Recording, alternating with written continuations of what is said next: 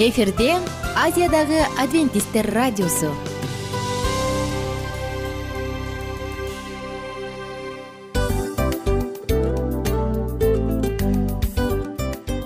Достор салют. Баардык сүйүктүү угармандарыбызга салам айтабыз. Кутман күнүңүздөр менен. Ден соолук өмүрдүн булагы демекчи саламат саамы программасында баарыңыздарды көргөнүбүзгө абдан кубанычтабыз. Анда алгач амандашып өтөлү арбаңыздар деп. Ден соолугуңуздар кандай элибизде көбүнчө ден соолук кандай дегенде эле жакшы деп жооп беребиз э? ооруп турсак дагы жакшы дейбиз. Анан мен муну айтып ойлойт элем бул абдан сонун сөз депчи анткени бул жакшы деген үмүт да э ооба баары жакшы болот. Баары сонун. Деп үмүттөнүп атып эле өзүбүздү өзүбүз дарылап коебуз. Анысы кандай? Сиздин дагы ден соолугуңуз жакшы беш деген үмүттөбүз чындыгында ден соолук бул өмүрдүн булагы деп бекеринен айтылган эмес деп ойлойм. Кыргыз элинде анткени эгерде ден соолук жок болсо анда адамдын жашоосунда калган баардык керектүү маңыздуу нерселер өзүнүн баалуулугун жоготуп коет. Ошондуктан ден соолук бул эң керектүү нерсе. Ооба туура айтасың кесиптешим. Чынында ден соолугуң жок бир эки үч күн ооруп калсаң эле э кандай болуп калат? Жашоодо көз каранды болуп каласың көп нерсеге жетишпей каласың көп нерсени кыла албай каласың жада калса эшикке дүкөнгө да чыга албай каласың. Туптуура анан ден соолук болсо демек биз биздин бактыбыз тотой деп койсок болот. Анда достор саламат саамы рубрикабызды баштайлы. Алдыда өзүңүзгө керектүү болгон сонун кеңештерди уга аласыздар. Мына ошондуктан биз менен бирге болуңуздар. Ал эми биз болсо милан жана айнура. Кеттик алга. Алга саламат саама ден соолуктун жарчысы. Саламат саама ден соолуктун ачкычы. Күн сайын сиз үчүн мыкты кеңештер сонун жаңылыктар кызыктуу фактылар. Биздин рубрикада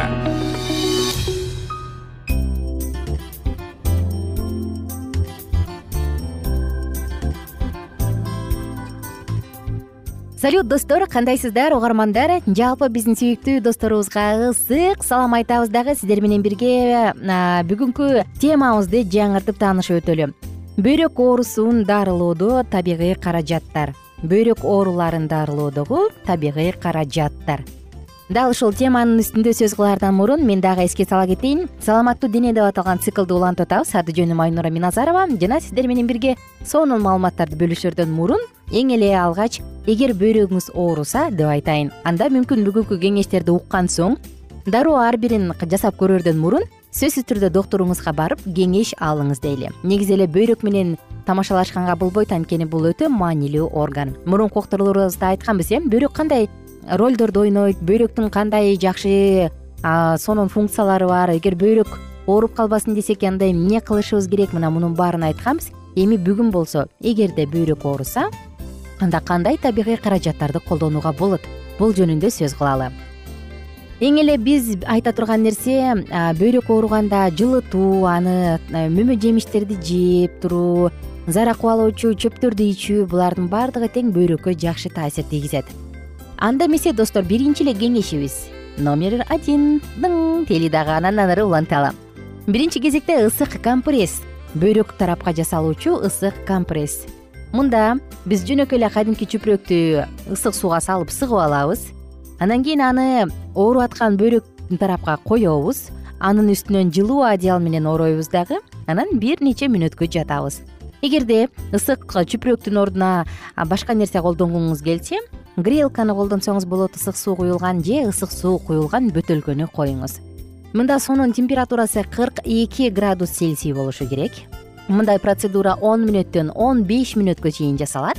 Жана процедурадан кийин терини аябай жакшылап сүртүп анан жылуу кийиниш керек.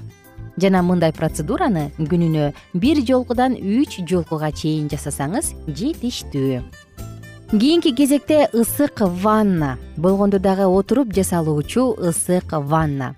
Ысык ванна зара өтүүчү баардык жерлердин баардыгына тең жакшы туура жакшы таасир тийгизгендиктен спазмалардын баардыгын алат. Бөйрөк оорусунда же инфекцияда дагы жакшы жардам берет.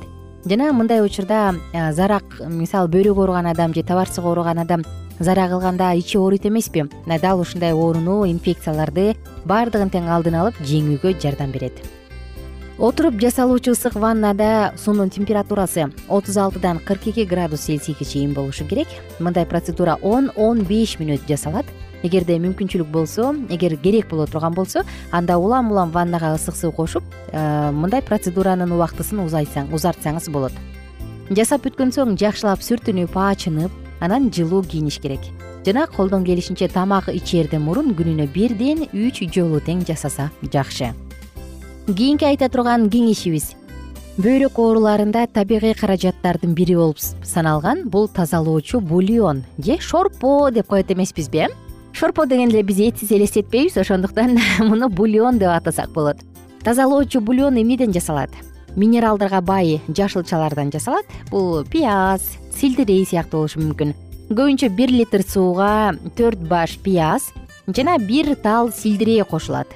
Булардын баардыгын тең кайнатканга чейин алып келебиз. Кайнагандан кийин он он беш мүнөт жай отто кайнатабыз. Мунун ордуна ошондой эле мындай сорпого шпинат жана чалканды дагы кошуп койсо жакшы. Достор тазалоочу бульондун кандай жакшы жактары бар мында э, сийдик кислотасы сыяктуу кайсы бир азыктарды кайсы бир уулуу заттарды бөйрөктөн алып чыкканга жардам берет? Бөйрөк зараны жакшы иштетип чыгара алышына жакшы жардам берет. Жана ошондой эле организмди калий магний кальций темир жана башка ушул сыяктуу минералдар менен камсыздаганга жардам берет. Эми андан ары уланталы эгерде бөйрөктүн оорусу бар болсо анда калий жогору калий көп болгон тазалоочу бульондорду колдонбой эле коюу туура болот. Кийинки кезекте зарак кубалоочу чөптөр жөнүндө сөз кылалы э, бөйрөк ооруганда баарыбыз билебиз э адамдардын көпчүлүгү бөйрөгүм ооруйт деп туруп анан зарак кубалоочу чөптөрдү ичет эмеспи. Анысы кандай? Кайсы бир дары же дары өсүмдүктөрү бар э? Мына булардын баардыгын тең колдонуу туура болот. Алар жөнүндө айта кете турган болсок мындай дарылар адамдын организмин жөн гана тазалап гана койбостон адамга дагы иммунитетин көтөрүп жакшы көп жакшы таасирлерин тийгизет. Биринчи кезекте эле береза же ак кайың деп коет эмеспизби. Бөйрөктүн сезгенишин бөйрөккө суук бөйрөктүн суук тийишин баардыгын тең туура жакшы дарылаганга жардам берет.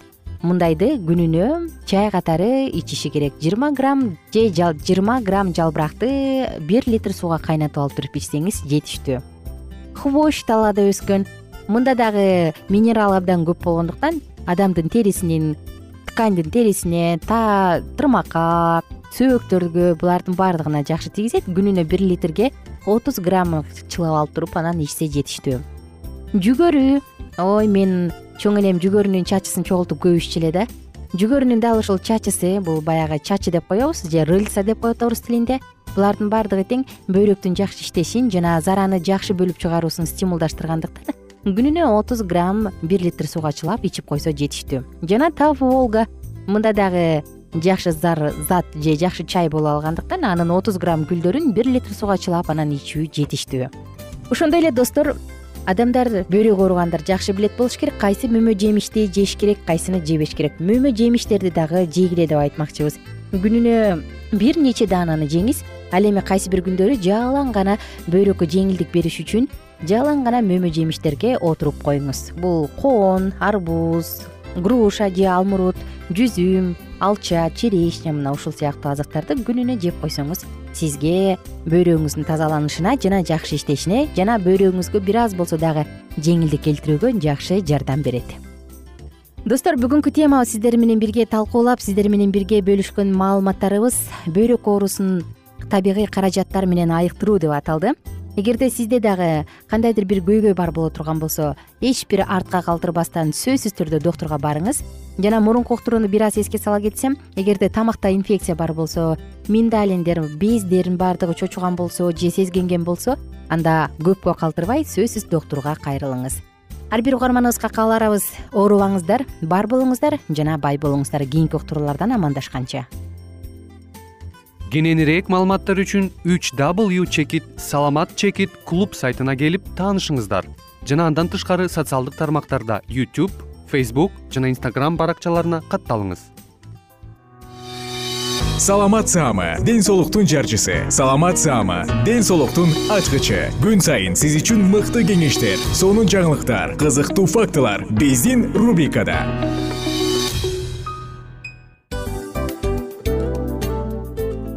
салам достор. Кайрадан биздин сүйүктүү рубрикабызга кош келиңиздер деп айтмакчыбыз. Баардык замандаштарыбызга арбаңыздар деп саламыбызды айтабыз. Улуу ушундай бир э, урматтаган учурашуу менен анан дил маек радио баракчабызга чакырабыз. Негизи дил маек биздин рубрикабызда эмне жөнүндө кеп кылабыз? Бул дил маектин мааниси эмнеде? Рубрикабыз менен кичине тааныштырып кетсеңиз сөзсүз түрдө тааныштыра кетейин. Кесиптешим суранычы боюнча бул учурда бул радио баракчада биз ар тарап кесип ээлеринен сонун кеңештерди алабыз сүйлөшөбүз сырдашабыз.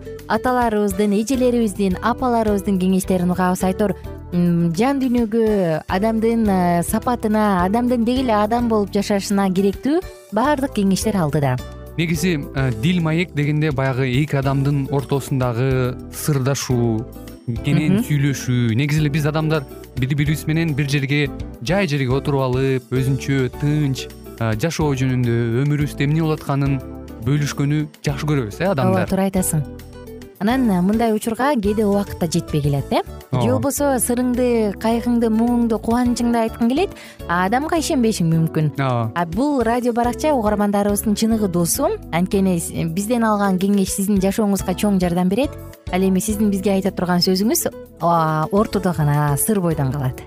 Ошондуктан биздин дил маек рубрикабызга дагы бир жолу кош келиңиздер жана биз даярдаган маалыматтарга даяр болуңуздар. Айнура жана милан сиздер менен бирге алдыга кеттик. Ар түрдүү ардактуу кесип ээлеринен алтын сөздөр жүрөк ачышкан сыр чачышкан сонун маек дил маек рубрикасында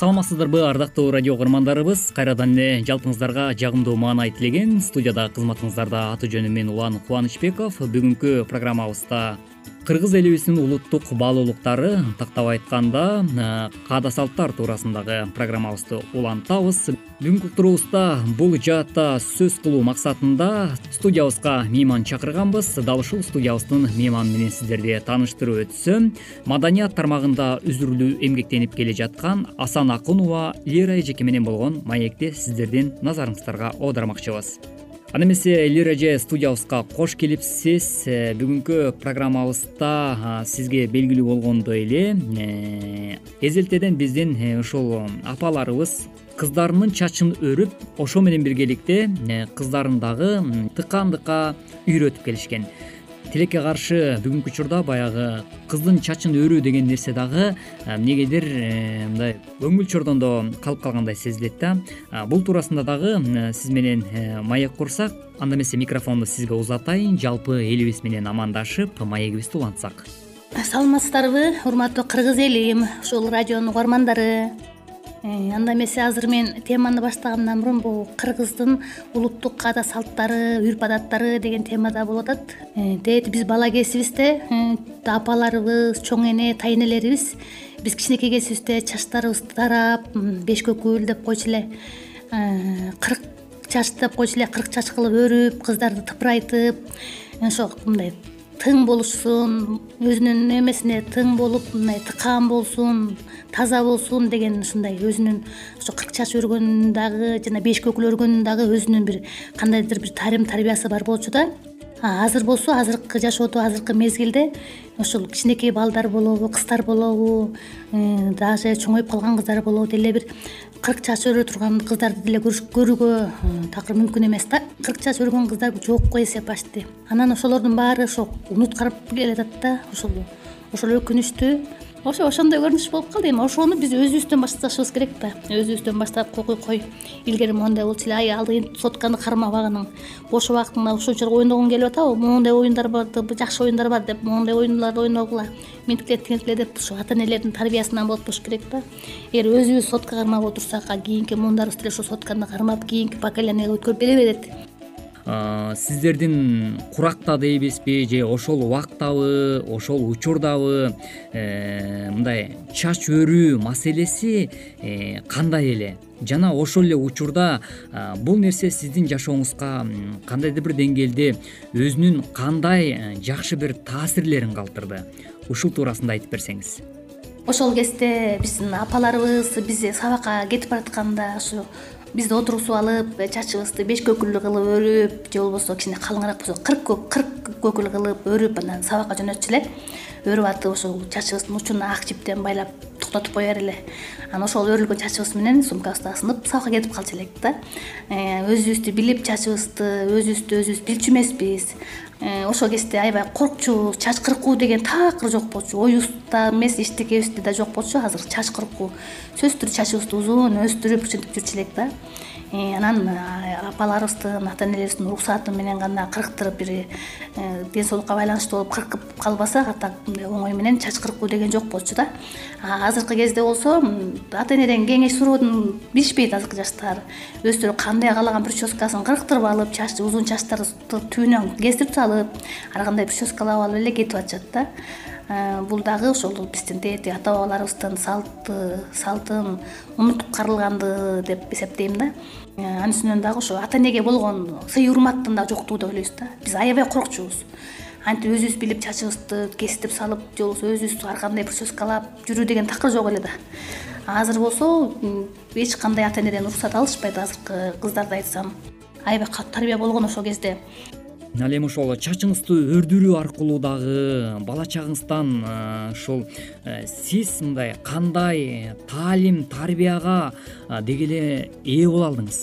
Ушул э, негизи ошо чач өрүү жагын аябай көп э, азыр талкуу кылып атпайбызбы ошол негизи тарбиялык жагы аябай өтө эле чоң мааниде мындай роль ойногон экен да.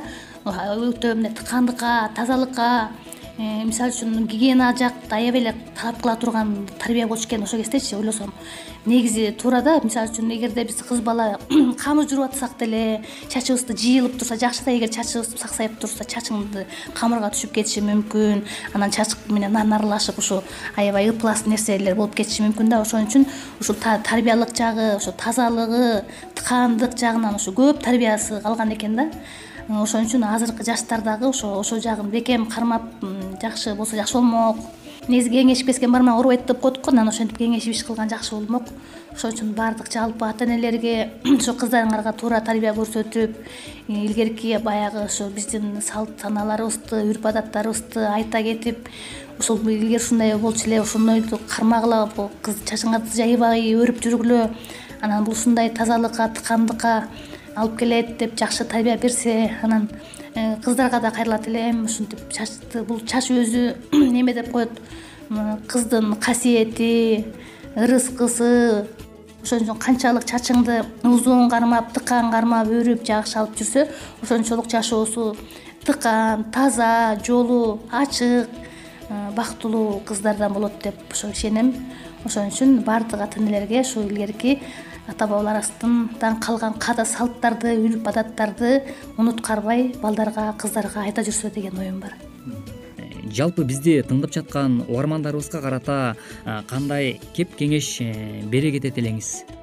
Жыйынтыктоочу сөзүм болсо ошо сиздерге рахмат ушул жалпы радионун жааматына терең ыраазычылык айтам. Ошо мен ушу э, силерге бекем ден соолук жалпы кыргыз элиме бекем ден соолук каалайм Э, тынччылык болсун токчулук болсун эч кандай оору сыркоо болбосун аманчылыкта э, бар болуңуздар аман болуңуздар чоң рахмат лира эжеке алтында болгон убактыңызды арнап татынакай маек куруп бергениңиз үчүн сизге дагы ыраазычылык билгизебиз. Ал эми э, мындан аркы ишиңизге дагы албан албан ийгиликтерди каалоо менен биргеликте э, жашооңузда дайыма жакшылыктар орун ала берсин деген тилек менен бизге бөлүнгөн убакыт дагы өз соңуна келип жетип калды.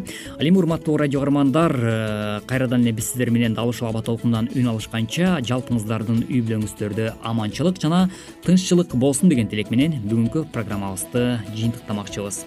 Кайрадан бул ободон үн алышканча сак саламатта болуңуз. Ар түрдүү ардактуу кесип ээлеринен алтын сөздөр жүрөк ачышкан сыр чачышкан сонун маек дил маек рубрикасында.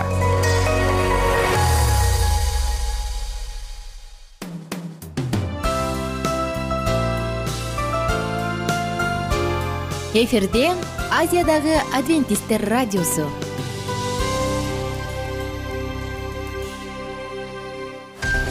Жан дүйнөңдү байыткан жүрөгүңдү азыктанткан жашооңо маңыз тартуулаган жан азык рубрикасы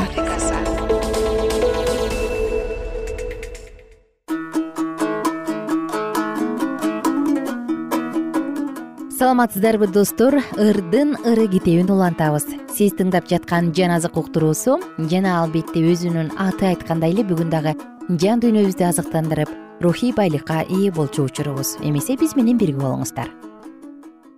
Ырдын ыры алтынчы бөлүм. Аялдын сулуусу.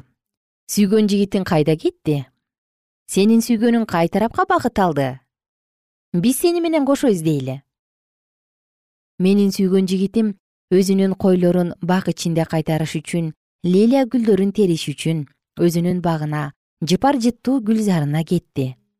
Мен сүйгөн жигитиме таандыкмын. Ал мага таандык.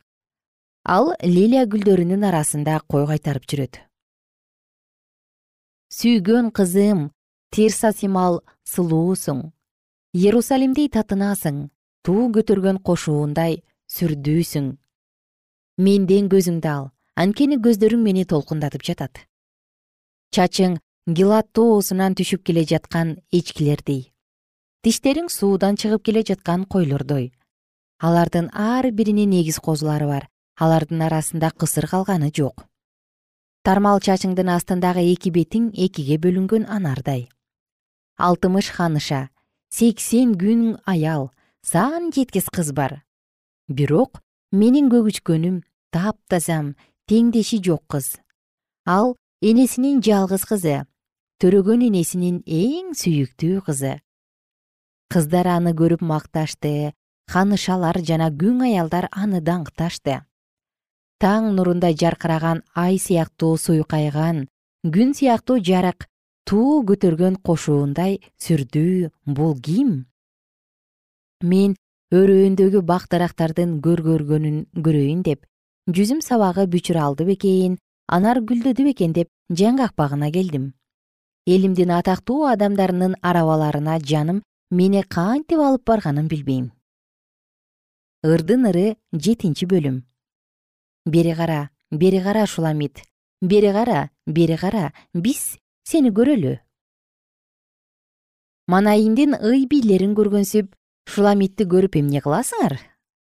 О атактуу кыз сандал кийген буттарың кандай сонун? Бутуңдун сулуулугу чебер устанын колунан чыккан жасалгандай.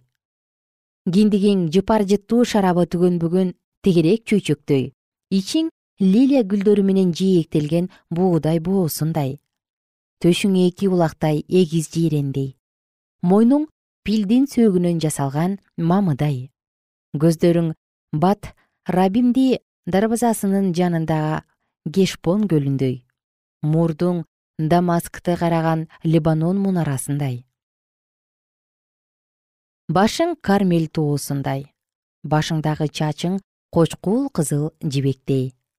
Тармал чачың падышаны өзүнө тартып турат. Өзүңдүн сүйкүмдүү келбетиң менен кандай сулуусуң? Кандай жагымдуусуң сүйгөн кызым сенин бул келбетиң курма пальмасына. Төшүң жүзүм шиңгилине окшош. Пальмага чыксам анын бутактарын кармасам деп ойлодум төшүң мен үчүн жүзүм шиңгилиндей таноолоруңдан чыккан жыт алманын жытындай болсун.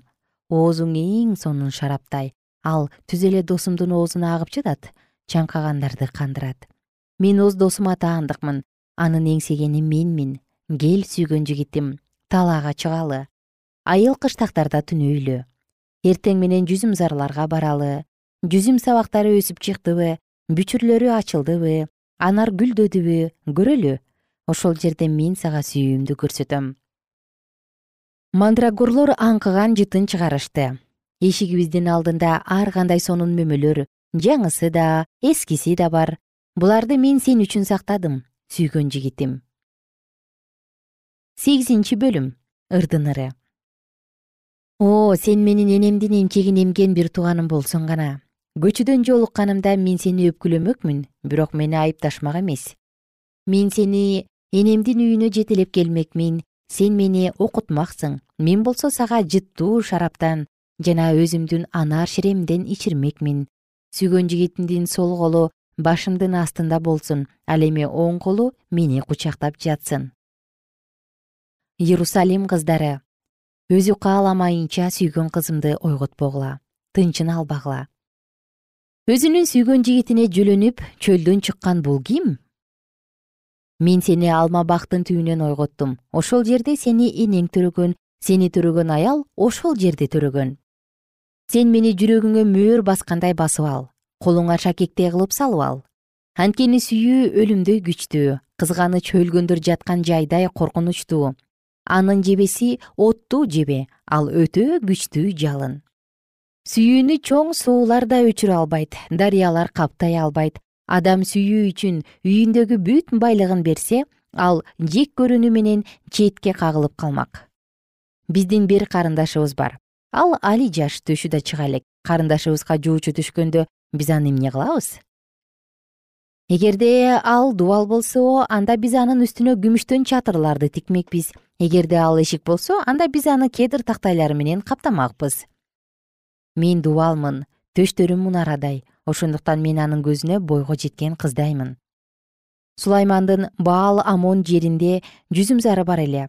Ал бул жүзүм зарын кайтаруучуларга берген эле. Ар бир кайтаруучу анын жемиши үчүн миңден күмүш жеткирип турушу керек болчу ал эми жүзүм зарым менин алдымда. Сулайман миңи сага ал эми эки жүзү анын жемишин кайтаргандарга. Бактардын арасында жашаган кыз. Достор үнүңдү угуп жатышат үнүңдү мага да угуз. Чурка сүйгөн жигитим бальзам тоолорундагы жейрендей же жаш бугудай бол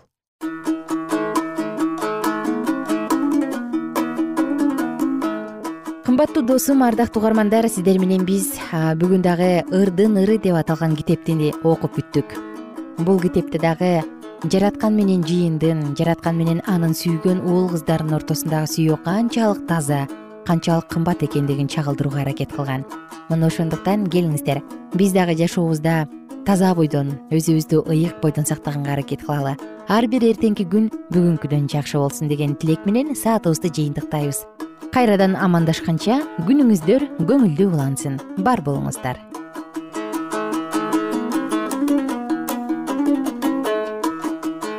Эгер сиздерде суроолор болсо же көбүрөөк маалымат билем десеңиз анда биздин whatsapp номерибизге жазыңыз.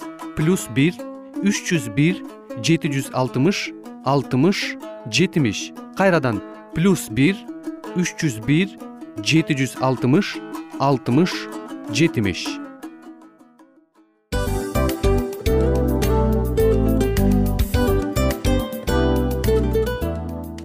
мына ушинтип убакыт дагы тез өтүп кетет экен. Биз дагы радио уктуруубуздун аягына келип жеттик. Келип кубандырдыңар эми кетип кубандыргыла деп тамашалап калышат эмеспи анысы кандай?